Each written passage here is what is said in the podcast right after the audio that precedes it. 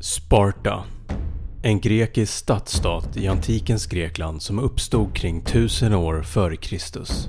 Men det var först under cirka 500 år före Kristus som Sparta blev en ledande krigsmakt. Sparta var unikt i det antika Grekland för sitt sätt att behandla sin befolkning. Det var en brutal och militärisk kultur där folket existerade nästan helt och hållet för att tjäna armén. Alla spartanska män var tvungna att bli soldater.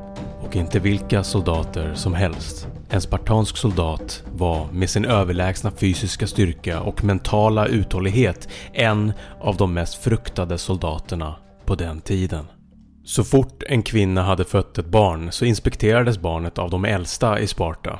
Om barnet var sjukt eller hade någon form av fysisk eller psykiskt handikapp så ansågs barnet som värdelöst för armén och lämnades för att dö. Det barn som klarade inspektionen doppades i vin för man ansåg att det härdade barnet. Barnet skulle lära sig att inte vara rädd för mörker eller ensamhet så när barnet skrek, grät och klagade så blev de ignorerade. Och det här pågick tills de var sju år gamla. Vid sju års ålder började den riktiga skolan. Skolan var egentligen ett militärt läger där man tränade upp pojkarna till att bli elitsoldater. Pojkarna lämnades nu över till staten och fick lämna sina familjer. Förutom att de lärde sig att läsa och skriva så var det mest fokus på att lära sig närstrid och att bli stark.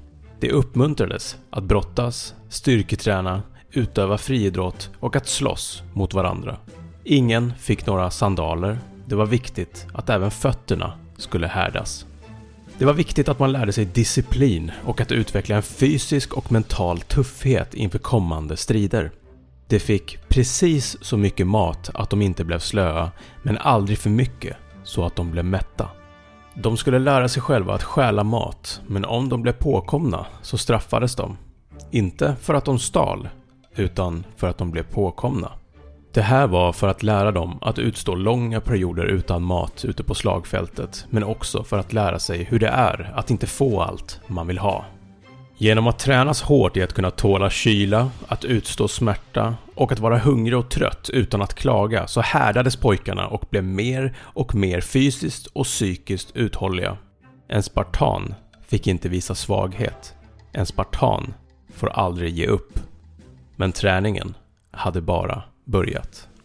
När pojkarna fyllde 12 år fick de lära sig att slåss med vapen och vid 20 års ålder blev de intagna i armén. Den rigorösa träningen på lägret fortsatte ända upp till 30 års ålder. Då fick de lämna lägret för att hitta en partner. Men innan dess skulle de bemästra spjutet, svärdet och det viktigaste av allt, skölden. Spjutet, eller dory som det kallades, kunde vara mellan 2-3 meter långt och cirka 5 cm tjockt. Materialet var av trä och spetsen var gjord av järn. Spjutet användes för att kunna hålla fienderna på avstånd och användes bara med en hand för att ha andra handen fri för att hålla i skölden. Svärdet var spartanernas sekundära vapen. Vissa använde svärdet Sifos medan andra föredrog svärdet Kopis. Sifos var ett dubbeleggat enhandat svärd där bladet var cirka 45-60 cm långt och perfekt för stötar. Medan Kopis var ett svärd med ett krökt blad på cirka 48-65 cm lång och den hade sin ägg på en sida och kunde på grund av sin utformning användas som en yxa mot fiendens kroppsdelar. Svärden användes främst då spjutet var oanvändbart eller otillgängligt under strid. Skölden, känd som hoplon, var cirka en meter i diameter och vägde cirka 6 kilo. Den var gjord av trä men hade ett yttre lager av brons. Den användes primärt för försvar men också för våldsamma stötar mot fienden. Skölden var så viktig för spartanerna att det ansågs som skam att tappa skölden under strid. Den skyddar inte bara dig själv utan också personen bredvid dig. Kom hellre hem död på skölden än utan sköld var en mening som spartanerna fick höra av sina mödrar. Även fast spartanerna målas ofta upp barbröstade så var de faktiskt väl utrustade för strid. Förutom spjutet, svärdet och skölden så bestod en rustning av en hjälm, en harnesk för att skydda överkroppen och benskydd.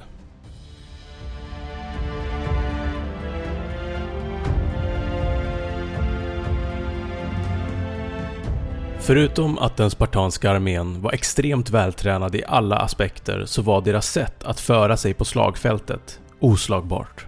Spartanerna bildade en falang, en formation av män som rörde sig som en enda organism. En falang är en form av stridsformering där soldaterna står och strider tätt tillsammans i organiserade led istället för att slåss en och en.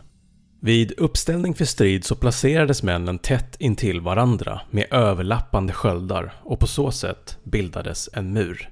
Halva skölden täckte sin egna vänstra sida medan andra halvan av skölden täckte höger arm och axel på mannen bredvid. Att slåss på det här sättet krävde enorm disciplin och uthållighet eftersom ett stort antal soldater rörde sig som en enda sammanhängande grupp. Spartaner hade lärt sig från ung ålder att aldrig ge upp, aldrig bli rädda och att aldrig fly. Att dö på slagfältet ansågs som en ärofylld död. Falangen var svårslagen och spartanernas falang var övad till perfektion.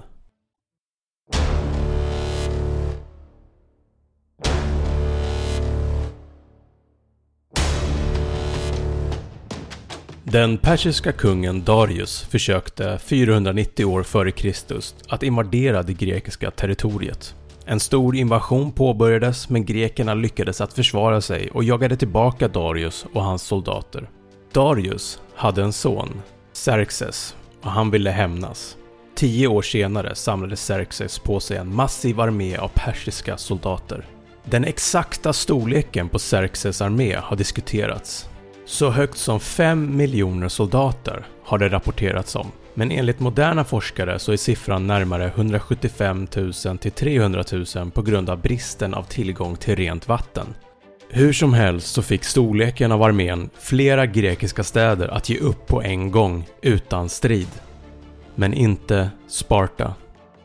Kungen av Sparta, Leonidas, tog 300 av sina bästa spartanska soldater och marscherade iväg för att möta Xerxes armé. På vägen dit mötte spartanerna cirka 7000 andra grekiska soldater från olika arméer som ville hjälpa till mot Xerxes. Leonidas visste att Xerxes armé var tvungna att passera genom ett bergspass som hette Thermopyl i det trånga passet med berg på ena sidan och vatten på det andra så skulle storleken på Xerxes armé inte spela någon roll. De modiga 300 spartanerna och de andra grekerna ställde upp sig i bergspasset när armén närmade sig. En spartansk general vid namn Dienikes blev informerad att den persiska armén hade så mycket bågskyttar att deras pilar skulle skymma solens strålar.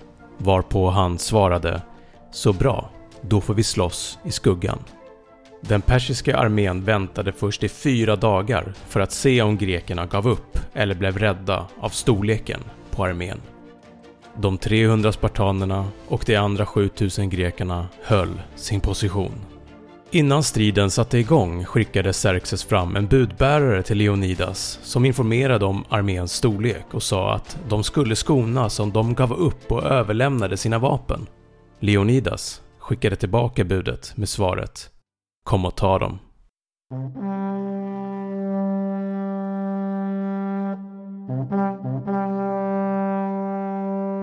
Den persiska armén hade inte räknat med något större motstånd, men det insåg snabbt att det var omöjligt att komma igenom den spartanska falangen i det trånga bergspasset.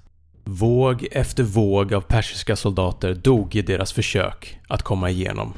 Leonidas passade på att byta ut männen längst fram mot nya soldater och på så sätt så höll han motivationen uppe och säkerställde att sina män inte var trötta.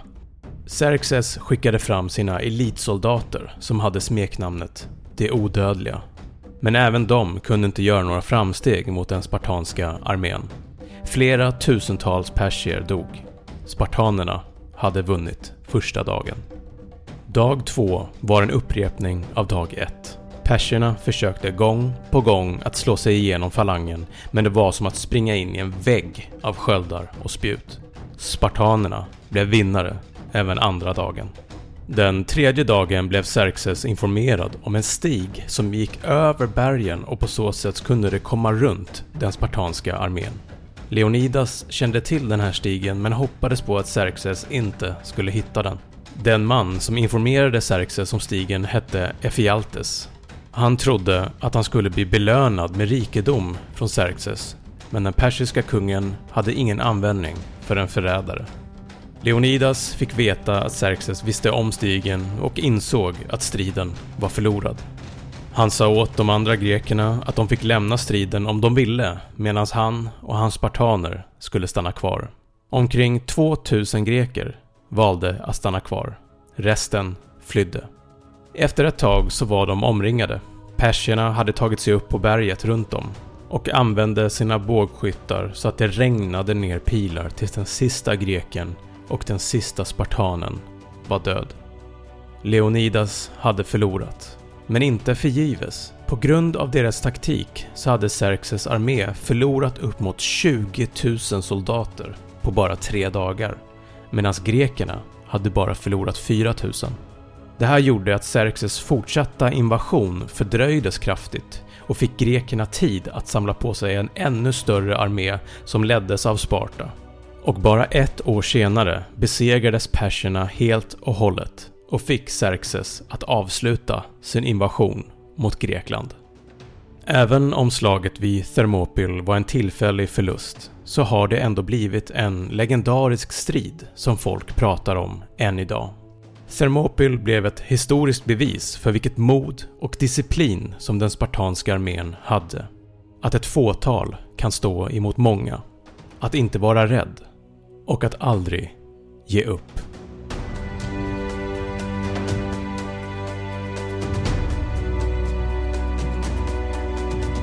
Jag hoppas att du tyckte att det här var intressant. Snabb fakta finns även som en YouTube-kanal där du kan se alla avsnitt med rörlig bild. Tack för att du har lyssnat.